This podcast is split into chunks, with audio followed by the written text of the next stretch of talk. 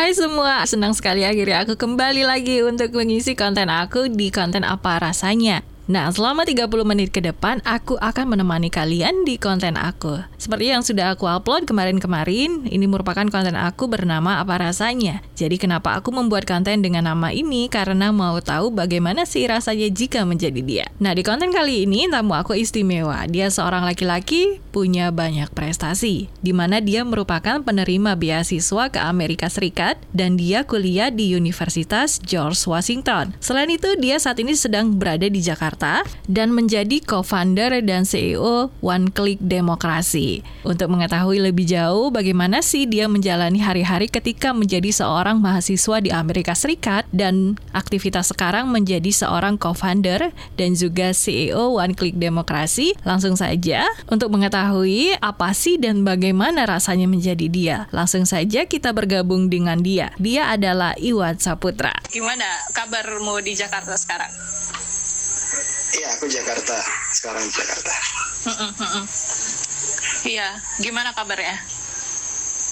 Alhamdulillah sehat. Di sini lagi PSBB ya, jadi di di rumah aja. Oke, bang, boleh dong langsung ya kita cerita ya soal bagaimana sih caramu akhirnya bisa dapat beasiswa LPDP di luar di Amerika gitu, wow, di Paman Sam, di negeri Paman Sam seperti apa? Boleh cerita dari itu dulu. Uh, kalau dapetin BCBP itu waktu itu aku masih jadi jurnalis ya di media Indonesia. Kemudian terpikir oh iya aku aku tuh punya impian untuk melanjutkan studi ke luar negeri gitu. Jadi aku uh, resign dari media Indonesia. Nah waktu itu banyak orang-orang bilang atau teman-teman di kantor bilang, aduh uh, kamu ini gila ya atau kamu ini bodoh gitu karena masuk ke media Indonesia nggak gampang seleksi ketat gitu sulit termasuk uh, media prestisius juga di Indonesia di nasional gitu.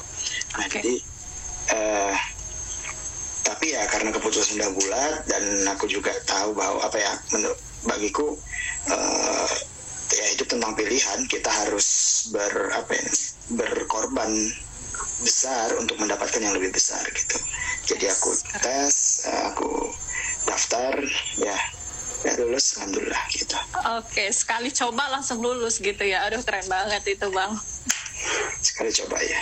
Oke. Ada ini nggak? Susah nggak sih sebenarnya seleksinya bagaimana gitu? Uh, susah itu susah enggaknya itu ini ya. Uh, relatif dan subjektif ya gitu. Uh, tergantung gimana kapasitas kita tergantung gimana kita persiapan dan lain-lain gitu Okay. Bagi menurut uh, kalau aku ya kalau aku pribadi aku juga uh, pernah beberapa kali ngomong ini bagiku uh, ketika aku seleksi LPDP aku udah yakin aku bakal lolos gitu. Karena apa? Aku uh, menurut aku punya persiapan yang matang. Secara akademik ya uh, dari nilai kemudian secara prestasi akademik juga prestasi non akademik aku punya beberapa apa ya kayak penghargaan lomba-lomba juara juara-juara menulis tingkat nasional gitu. Ada juga internasional. Kemudian secara organisasi uh, ada banyak pengalaman organisasi. Kemudian ada ada pengalaman kerja pula di tingkat nasional. Kemudian yang terpenting juga ada apa ya, uh, track record kegiatan sosial atau uh, organisasi sosial yang aku jalankan dan aku dirikan seperti itu. Jadi ketika mendaftar LPDP itu aku eh, apa ya? Udah yakin ya? Allah pasti lolos seperti itu. Uh. aduh keren banget. Bang kalau kalau begitu berarti artinya adalah portofolio kita kalau yang udah banyak dan juga banyak penghargaan artinya itu lebih melancarkan kita untuk bisa menerima beasiswa ini ya gitu ya? Ya tentu. Uh, ketika portofolio kita banyak bagus ya nggak mesti banyak terlalu banyak sih. Yang penting ada dan dan bagus ya. Uh, tentu tentu akan uh, ya. jadi pertimbangan lebih untuk untuk uh, penilaian kita gitu. Jadi saran bagi kawan-kawan yang masih mahasiswa ataupun yang sudah uh, tamat ya cari kegiatan di luar kegiatan inilah ke, di luar kegiatan sehari-hari lah gitu belajar atau itu kan kegiatan mahasiswa belajar itu udah biasa gitu coba cari kegiatan lain yang positif yang bisa meningkatkan uh, apa namanya kapasitas kamu seperti itu. Oke baik. Nah setelah lulus dari LPDP Jelas kemudian jelas banget. Oke setelah lulus dari LPDP kan kemudian kita kan dibawa nih ke Amerika. Belum pergi ke Amerika ada nggak proses lainnya yang kita lewati dulu? Mungkin ada proses apa gitu kayak yang apa gitu? Ada nggak? Iya, iya. Jadi aku tuh jalur afirmasi. Uh, afirmasi itu jalur jalur khusus LPDP ya. Jadi passing grade jadi lebih mudah. Nah, di jalur afirmasi ini uh, ada macam-macam jalur uh, kayak jalur PNS, jalur santri, jalur uh, nggak mampu. Nah, aku jalur afirmasi yang prestasi gitu. Uh, jadi aku dapat pelatihan atau persiapan bahasa itu enam bulan di UPI uh, di Bandung itu kemudian ya uh, jadi aku orangnya sadar ketika segala sesuatu berjalan mudah maka tentu akan ada cobaan atau ujian di depan yang lebih besar gitu. Jadi ketika segala sesuatu berjalan mudah, aku malah jadi orangnya malah khawatir gitu, malah khawatir. Oh ini bakal ada ujian lebih berat nih kalau kalau gampang aja. Ketika lulus S lulus gampang bagiku gitu.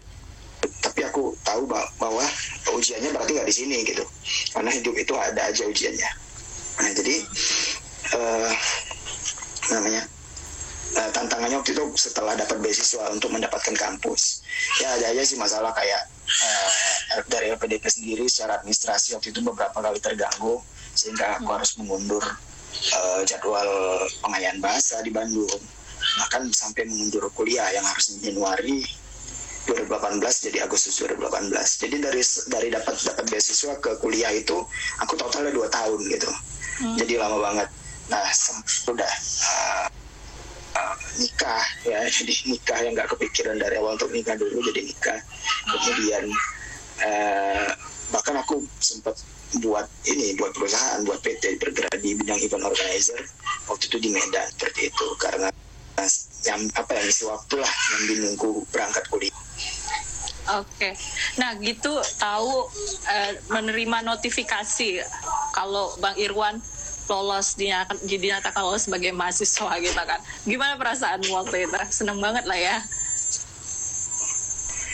Eh, waktu dapat LPDP ya eh, bahagia lah tentu apalagi orang tua gitu. Cuman waktu dapat kampus, lulus kampus dan berangkat itu eh, alhamdulillah ya. Jadi program itu membuat eh, aku nggak eufor- euforia gitu. Iya. Ya, pros dua tahun di tempat dan macam-macam ya gagal eh, sebenarnya kalau gagal daftar kampus itu nggak nggak banyak cuman cuman aku cuma daftar kampus eh, satu kali berhasil gitu. Ya, cuman ada proses panjang untuk situ. Jadi ketika aku dapat dapat kampus ya, menjalankan kuliah di sana itu nggak terlalu euforia gitu, karena eh, itu didapat dengan sulit proses panjang dua tahun gitu.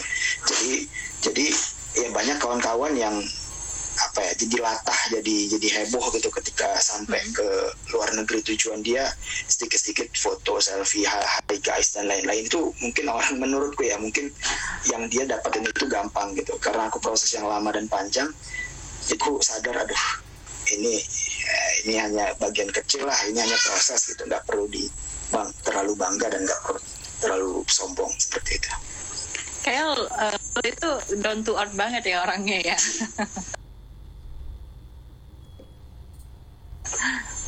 ya Oke, bisa cerita dong gimana sih kondisi perkuliahan di George Washington itu? Kalau dibandingin dengan Indonesia, tentunya Bang Irwan tahu lah ya, per, eh, universitas kita di di tanah air tercinta kita ini kayak gimana. Iya bisa bandingin secara umum ya karena aku dari kampus eh, S1 aku di di Universitas Negeri Medan Eh, jadi aku nggak bandingin secara umum gitu tapi nah, memang beda banget ya yang dulu waktu S1 aku lebih santai kuliah. Eh, di sini apa ya waktu waktu S2 itu jadi kayak eh, begadang malam baca buku terus. Itu memang nggak pernah aku lakukan. Bukan itu kayak kalau satu itu kita beli diktat itu supaya dosen seneng doang gitu ya. Ini menurut pendapat pribadi ya. Supaya dosen seneng nggak dapat nilai jelek gitu. Akhirnya diktatnya sama sekali nggak dibaca. Karena menurutku kom- isinya kompilasi kompilasi sebagian ya sebagian tuh isinya kompilasi dari internet dan karya orang gitu.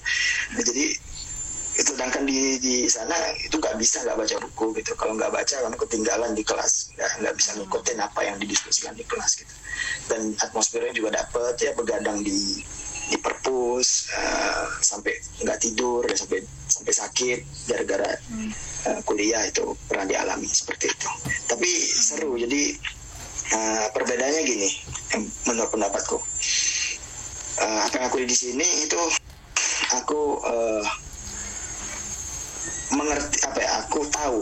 Tahu tahu itu level paling rendah yaitu what apa gitu. Jadi apa yang aku pelajari bisa aku realisasikan gitu dalam praktek nggak cuma teori seperti itu. Hmm, seperti itu. Artinya lebih kompetitifnya tinggi banget ya kalau di luar negeri gitu ya? Uh, nggak malah kompetisi itu nggak ada gitu. Jadi kalau kita kan memang di, di ada budaya kompetisi di kita yaitu ranking satu ranking dua gitu ya. Itu kan budaya yeah. yang dibangun dari kecil dan uh, sampai sampai kuliah juga eh IP kamu berapa? dan lain-lain.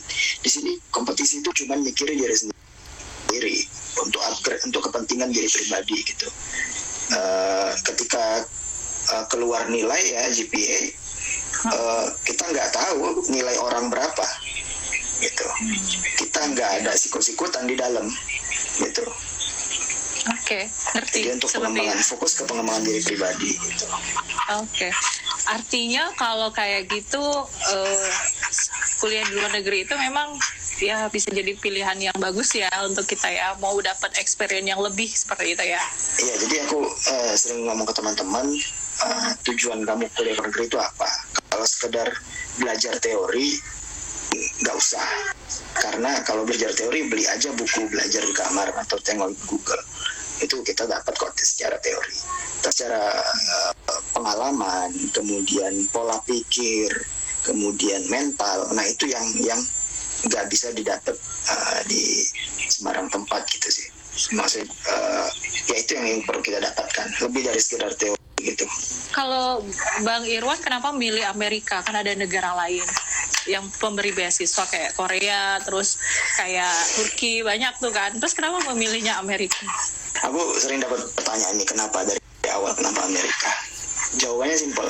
Karena Amerika sampai sekarang masih kiblatnya sosial, politik, ekonomi, sains dan lain-lain dunia. Itu, itu jawabannya. Uh, dan dan aku akui aku orang yang bisa menghafal teori-teori ya. Uh, tapi aku punya leadership, uh, punya kemampuan uh, problem solving, uh, apa inovatif dan lain-lain yang menurutku uh, sangat tepat di Amerika. Ketika di sana uh, cuma belajar teori, tapi leadership, networking, uh, critical thinking, uh, uh, sesuatu yang aplikatif itu uh, bisa bisa dipelajari, didapatkan untuk pengembanganku sesuai target gitu. Jadi targetku bukan menjadi akademisi uh, yang uh, aku memang target untuk jadi bisnismen, uh, target uh, untuk ya seseorang lah di negara ini yang bisa buat perubahan dan aku kira ya, pas di Amerika aku ngambil contoh setiap kabinet ya dari uh, pemerintahan-pemerintahan sebelumnya sampai sekarang minimal 50 Amerika gitu. Okay. Aku lihat seperti itu. Aku juga lihat perusahaan-perusahaan besar mayoritas uh, direksinya, komisarisnya itu alumni Amerika gitu. Hmm. Jadi, okay. oh berarti ada sesuatu yang yang yang, uh, yang apa ya?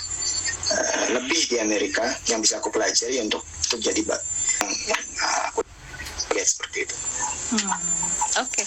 nah se sebelum ke Indo sebelum ke luar negeri dan akhirnya Bang Irwan ada di Amerika, Abang Bang Irwan ngerasa ada perubahan apa yang dirasakan saat ini dari sebelumnya yang belum S2 di Amerika terus akhirnya setelah kembali ke tanah air ada ngerasa perubahan apa? Ya, perubahannya atau... pertama pola pikir. Ya pertama per, per, pertama perta, pertama dan paling utama itu pola pikir. Lebih, lebih berkembang gitu. Jadi ketika melihat sesuatu, sesuatu itu uh, masalah peluang dan lain-lain itu apa ya, sikap aku pribadi berbeda. Melihat solusi gitu. Dan dan okay. jadi apa ya pede lebih pede. Jadi ada pola perubahan pola pikir dan mental. Jadi lebih berani juga. Eh, memang bawaannya memang berani dari dulu sih gitu. Uh, kemudian yang kedua itu buat misalnya orang-orang besar lain-lain itu sikap mereka ke aku beda gitu. Jadi ada privilege yang aku dapat. Nah ini kan privilege yang bukan didapatkan secara gampang. Bukan privilege bawaan lahir ya gitu. Aku anak siapa gitu. Bukan. Tapi privilege yang dibangun gitu. Ini mungkin relate ke ini loh ada tren sekarang ini di para milenial dan anak-anak muda yang menjadikan anak-anak muda ini lembek ya. Ada postingan viral tentang Nadiem Makarim di Twitter yang uh, captionnya gini katanya dia katanya nanti nggak pantas jadi role model karena dia dapat privilege karena anaknya siapa seperti itu. Itu mental apa ya pernyataan itu pernyataan orang dengan mental lembek gitu. Gara-gara seperti itu terus kita bilang aduh aku nggak bisa apa-apa. Aduh iyalah aku kan lahir dari bukan bukan anak keluarga ini. Gimana aku mau jadi orang besar? No eh, jangan, seperti itu. Kamu nggak nggak fair ini menilai seorang oke jangan jangan ambil dari Nadim coba ambil dari yang lain. Banyak kok contoh-contoh orang besar yang yang uh, awalnya dari orang susah ya kayak si Khairul Tanjung dan lain-lain gitu. Kita harus fair gitu. Jadi kalau kita punya mental seperti itu itu kita jadi lembek dan dan nggak akan bisa sukses ke depannya. Nah privilege itu nggak cuma dari keluarganya siapa-siapa gitu aku bisa dapat ketika pulang dari US dan ketika aku bisa berarti orang lain juga bisa nggak cuma sekedar itu caranya ya caranya nggak cuma dapetin kuliah ke luar negeri no banyak cara lain seperti itu hmm. Oke, okay, setuju banget aku itu kalau kayak gitu. Nah, kemudian Bang, akhirnya berapa lama bisa menyelesaikan S2-mu di Amerika? Aku pas dua tahun karena nggak nggak boleh lebih ya dari LPDP nggak dibiayai. Kalau biaya sendiri nggak mungkin sanggup karena uang kuliahnya satu setahun itu tujuh ratusan tujuh ratusan juta ya belum lagi uang tinggal dapat apa ya uang hmm. uh, living costnya itu lebih mahal gitu. uh, pas dua tahun tapi aku uh, aku nggak cuma kuliah ya, aku dapat pengalaman yang sangat berharga. Pertama aku join ke Permias. Permias itu kayak PPI kalau di negara lain Persatuan Pelajar Indonesia gitu. Uh, di US namanya Permias aku jadi vice president. Jadi aku punya link waktu itu uh, ke KBRI dan dan lain-lain gitu. Uh, yang kedua aku alhamdulillah juga dipercaya untuk jadi uh, executive director atau pimpinan cabang uh, dompet duafa di Amerika Serikat gitu. Mereka punya cabang resmi di sana dan aku direkrut jadi pimpinan cabangnya. Gitu. Dari situ juga dapat penghasilan tambahan bisa bawa anak istri karena uang LPDP sangat nggak cukup untuk uh, hidup berdua apalagi sama anak gitu. Uh, gitu sih. Jadi walaupun nilai aku nggak nggak bagus bagus banget ya bisa dibilang uh, ya pas-pasan lah. Tapi aku punya pengalaman yang nggak didapat orang lain. Itu aku jadi sempat jadi pimpinan uh, suatu satu organisasi besar di Indonesia yang ada di Amerika gitu. Tapi memang dari antara itu semua ada orang memang melihat bukan dari nilai tapi dari sikap, dari attitude kita, terus juga pengalaman seperti itu ya kan, Bang? Ya, ya tergantung target ya, tergantung target apa yang kita cari dari S2 gitu. Makanya aku baru buat postingan kemarin kan di di uh, Instagram apa tujuan studi lanjut bagimu gitu. Kalau aku sendiri memang dari sebelum berangkat nilai bukan bukan target utama gitu. Yang penting lulus gitu aja. Uh, tujuan utama aku sebelum berangkat itu selalu aku bilang selalu apa ya keucap-ucap gitu. Aku dapat tim dapat ide dan dapat investor untuk menjalankan bisnis dan alhamdulillah aku dapat ketiganya okay. gitu di sana gitu. Oke, okay. nah sekarang Amang juga sebagai co-founder dan CEO One Click Demokrasi boleh cerita dong apa sih sebenarnya One Click Demokrasi ini? Iya, jadi One Click Demokrasi atau OCD itu idenya aku dapatkan waktu uh, semester 3 Jadi jadi di uh, semester 3 aku ngambil mata kuliah salah satunya itu namanya uh, digital strategy itu strategi digital untuk kampanye politik. Nah uniknya di kelas itu dosennya itu per dua minggu sekali ngundang dosen tamu yaitu CEO CEO dari digital digital agency yang ada di US. Nah waktu itu ada digital agency namanya One Click Demokrasi, One Click Politics. Ya ini agensi bukan bukan platform. Kalau kita platform, nah itu dia uh, mereka berfungsi untuk mengumpulkan suara grassroots, suara masyarakat untuk mempetisi atau juga uh, menghubungi senator dan juga DPR untuk melakukan tindakan sesuatu yang masyarakat mau gitu. Nah seperti itu di Amerika sangat didengar karena kalau DPR atau senator yang nggak mendengarkan masyarakat banyak itu bisa nggak dipilih lagi ke depannya gitu. Nah aku pikir oh bagus juga nih di Indonesia belum ada seperti itu. Tapi aku pikir lagi ya ini masih di, di kelas kondisinya. Uh, di Indonesia nggak mungkin bisa karena money politicsnya masih kuat gitu. Jadi uh, seorang kandidat tuh bisa bayar 20 ribu sampai 100 ribu per suara untuk milih dia dan dia bisa menang. Dan dia nggak mendengarkan masyarakat gitu. Uh, jadi aku pikir, oh gimana ya di Indonesia itu uh, metodenya? Kalau udah viral di sosial media baru uh, didengarkan suaranya gitu. Oke, okay, ya. berarti ada kunci sosial media. Tapi ada masalah lain. Sosial media kita itu masih banyak masalah yaitu hoax, buzzer, hate speech dan lain-lain. Nah muncullah ide, kenapa nggak buat sosial media baru? Hmm. seperti Facebook, Twitter, gitu, Instagram, tapi khusus untuk bahas politik, khusus untuk bahas public issue, isu-isu masyarakat tapi tanpa buzzer dan hoax gitu. Nah muncullah One Click Demokrasi ini yang sedang kita kembangkan, insya Allah uh, ini sedang pengembangan. Uh, targetnya sih akhir bulan ini kita rilis MVP-nya minimum viable produknya, jadi produk uh, masih early stage gitu yang belum keren banget lah kayak Facebook tapi segala sesuatu kan dimulai dari bawah seperti itu insya Allah akhir bulan ini kita ke Play Store dan akan kita kembangkan terus jadi orang-orang bisa share uh, aspirasi di situ kemudian ada apa ada fitur petisi yang petisinya itu langsung masuk ke pemerintah nggak kayak uh, ke pemerintah yang dipetisi gitu. Okay. Jadi kita bisa milih petisi pemerintah hmm. mana dan bisa langsung masuk ke dia seperti itu. Nggak cuma petisi dan udah hilang gitu aja kayak platform lain gitu. Uh, kemudian ada fitur kampanye. Kampanye ini ada kampanye dana sosial, kampanye pengumpulan relawan dan kampanye politik. Jadi kandidat politik itu bisa ngumpulin suara dan ngumpulin uang atau dukungan dana dari platform kita. Gitu okay. dan juga ada fitur sentimen analysis dan lain-lain seperti itu. Mm -hmm. Ya, aku memang belum membuka ini One Click Demokrasi udah ada websitenya ya bang. Nah kebetulan aku emang belum buka. Sudah. Websitenya ada, cuman kita lagi ini lagi itu websitenya masih masih uh, berantakan, lagi dikembangkan. Insya Allah uh, minggu depan udah bagus itu website. Tapi kita nggak fokus fokus di website, kita fokus di di apa namanya uh, aplikasi itu dan uh, untuk untuk sekarang ini kita kan selama enam bulan ke depan tuh masih pilot project dulu itu masih pakai Android dulu masih di Android fokusnya nanti uh, setelah itu baru kita pengembangan. Oke, okay. nah ini kan ada platform ya kan, ada di Play Store dan rencana di untuk di App Store juga bakal ada ya? Iya, Insya Allah ada semua. Jadi uh, Play Store uh, akhir bulan ini Insya Allah dan dan uh, di apa iOS itu uh, setahun depan awal tahun depan Oke. Okay. Nah, kalau bikin platform ini kan investasinya besar banget ya. Bang Irwan berhasil ngumpulin berapa investor akhirnya? Berapa besar sih dana yang dibutuhkan?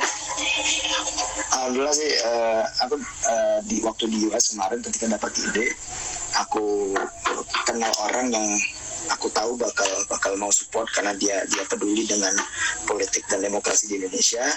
Uh, dia orang Indonesia tapi uh, uh, apa ya uh, tinggal di sana uh, dan oke okay, dia setuju dia investasi. Jadi ini istilahnya angel angel investor ya investor perorangan yang baru dananya seed funding itu seed funding. Uh, ya cukup cukup besar lah apalagi sekarang kita udah ada 10 orang tim ya totalnya 10 orang tim dan kita sudah ada kantor di Sudirman di gedung City Love di Sudirman uh, ya itu sedang pengembangan terus masih open recruitment uh, anggota-anggota uh, apa tim-tim tambahan uh, untuk untuk mengembangkan tapi belum belum terlalu open ya kayak perusahaan-perusahaan besar uh, insya Allah setelah pilot project ini akan kita buka besar-besaran untuk dikembangkan sehingga ini eh, bisa bermanfaat lah untuk masyarakat juga membuat lapangan pekerjaan dan lain-lain. Tapi belum dijawab bang investasinya berapa sih triliunan kah? Enggak, belum, belum, belum sampai situ. Oke. Okay. Ya, insya Allah cukup lah untuk untuk dijalankan uh, sampai dapat pendanaan Sri A ya. Oke, okay. artinya ini perusahaan bakal abang perbesar ya? Iya tentu pasti. kita juga targetnya nggak di nasional aja uh, negara-negara demokrasi berkembang juga juga akan uh, apa kompatibel dengan platform ini Oke, ngomongin soal demokrasi, yang abang lihat seperti apa sih? Kan sudah punya pengalaman nih di Amerika, kemudian di Indonesia.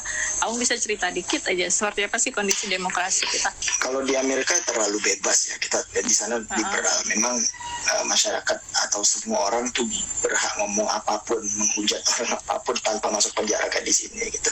Bahkan lu ngejelek-jelekin Trump ya silakan, dia nggak akan baper kok gitu. Uh, paling dia bales dijelekin juga sama dia gitu Nah, tapi kalau di, di tempat kita kita terlalu baper ya, kita terlalu sentimental untuk menanggapi kritikan, untuk menanggapi masukan, sehingga kadang-kadang terlalu berlebihan mengambil jalan hukum ya kasus-kasus yang kita udah tahu lah, uh, termasuk uh, dalam konteks COVID sekarang ini juga ada. Nah, tapi aku juga nggak mau Indonesia itu kayak US walaupun aku dari di sana aku suka kebebasan berekspresi, tapi nggak nggak boleh terlalu bebas seperti di US. Kita punya demokrasi Pancasila namanya kan tapi sampai sekarang juga demokrasi Pancasila itu menurutku ya belum belum optimal buktinya orang orang yang berseberangan kadang dengan yang punya kekuatan kadang kadang uh, apa ya tersingkir uh, kita yang jadi masalah tuh ini kita nggak terbiasa melawan ide dengan ide melawan gagasan dengan gagasan. Ketika ada orang mengkritik artinya dia menyampaikan gagasan gitu. Kalau kamu nggak suka kalau kamu mau nyatakan dia salah lawan dengan gagasan lain yang bisa mematahkan gagasan dia. Bukan bungkam mulutnya gitu. Bukan diikat tangannya seperti itu. Itu sih aku sebagai alumni jurnalis atau jurnalis uh, risih sih dengan dengan kondisi sekarang. Sangat sangat nggak nyaman. Dan itu sih yang kita harapkan akan berubah. Makanya masih dini target terbesarnya bukan bukan dari sisi bisnis tapi ada perubahan budaya di Indonesia. Di mana orang itu bebas bersuara dan masyarakat tuh terbiasa melawan ide dengan ide. Bukan ide dengan hujatan atau ide dengan kekerasan. Seperti itu. Oke, Bang, sayang kali. Aku pengen ngobrol kayak ngobrol kita seru, tapi waktu kita nggak banyak. Nah, Abang bisa kasih closing statement, mungkin punya kalimat ampuh atau kalimat positif apa-apa nih buat teman-teman. Silakan. Buat kawan-kawan harus berani ya. Jadi jadi apa yang membuat seorang tuh buat teman-teman ya, apa yang membuat seorang itu sukses yang aku lihat dari perjalanan-perjalanan orang-orang yang udah dulu dan sedang aku tempuh sekarang. Mungkin aku belum pantas disebut sukses, tapi apa yang sedang aku jalani sekarang yang membuat beda antara yang berhasil dan gagal itu adalah pola pikir dan mental gitu bukan isi otak no bukan sertifikat kuliah bukan? Gitu. Uh, tapi mental. Makanya banyak juga orang-orang yang nggak kuliah tapi tapi berhasil. Uh, tapi malah mempekerjakan orang-orang yang kuliah tinggi gitu. Karena orang yang nggak kuliah ini dia memiliki pola pikir yang canggih dan mental yang baja kuat berani ambil keputusan gitu. Jadi kawan-kawan uh, coba perbaiki pola pikir yaitu pola pikir yang uh, thinking beyond thinking beyond ourselves. Jadi kita tuh memikirkan lebih dari diri kita sendiri. Ketika kita melakukan sesuatu cita-cita misalnya oh aku pengen jadi pilot gajinya gede uh, gajinya gede aku bisa dapat duit banyak buat rumah besar, mobil mewah, keluarga senang. No, itu uh, pikiran yang kamu nggak akan jadi orang besar karena karena apa? Karena pola pikirmu terlalu kecil untuk dirimu sendiri. Tapi ketika kamu punya pola pikiran besar, oh aku ingin buat sebuah perusahaan karena dengan perusahaan ini akan membuat perubahan nih menjadi lebih mudah, ada lapangan pekerjaan. Kita berpikir beyond ourselves. Jadi ya, jadi apa uh, implikasinya? Uh, yang kita dapatkan lebih lebih dari sekedar ini, sekedar uh, kepentingan pribadi gitu tapi kepentingan banyak orang gitu. Dan kalau kita jadi orang besar dan juga mental uh, kita berani mengambil keputusan. Uh, tidak terlalu banyak mikir yang detail dan dan dan lamban mengambil keputusan. Tapi taking risk itu bukan berarti kita sekonyong-konyong langsung ambil keputusan nekat. No taking risk itu berarti kita mengambil keputusan dengan pertimbangan-pertimbangan logis dan juga uh, pengalaman yang udah kita jalankan dan juga intuisi dan jadilah sebuah keputusan untuk kita ambil ke depannya. Nggak cuma diem takut uh, dan dan nggak jalan seperti itu Demikian konten aku di edisi kali ini. Ada banyak inspirasi dan pengalaman dan juga tips yang sudah di-sharing oleh Irwan Saputra. Aku bakal kembali di konten lainnya dan tentunya setiap hari Jumat pukul 6 sore hingga pukul setengah 7 malam dengan tamu yang keren dan penuh inspiratif. Jangan sampai ketinggalan khususnya untuk dengerin suara emas aku. Sampai jumpa semuanya, tetap sehat dan tetap semangat.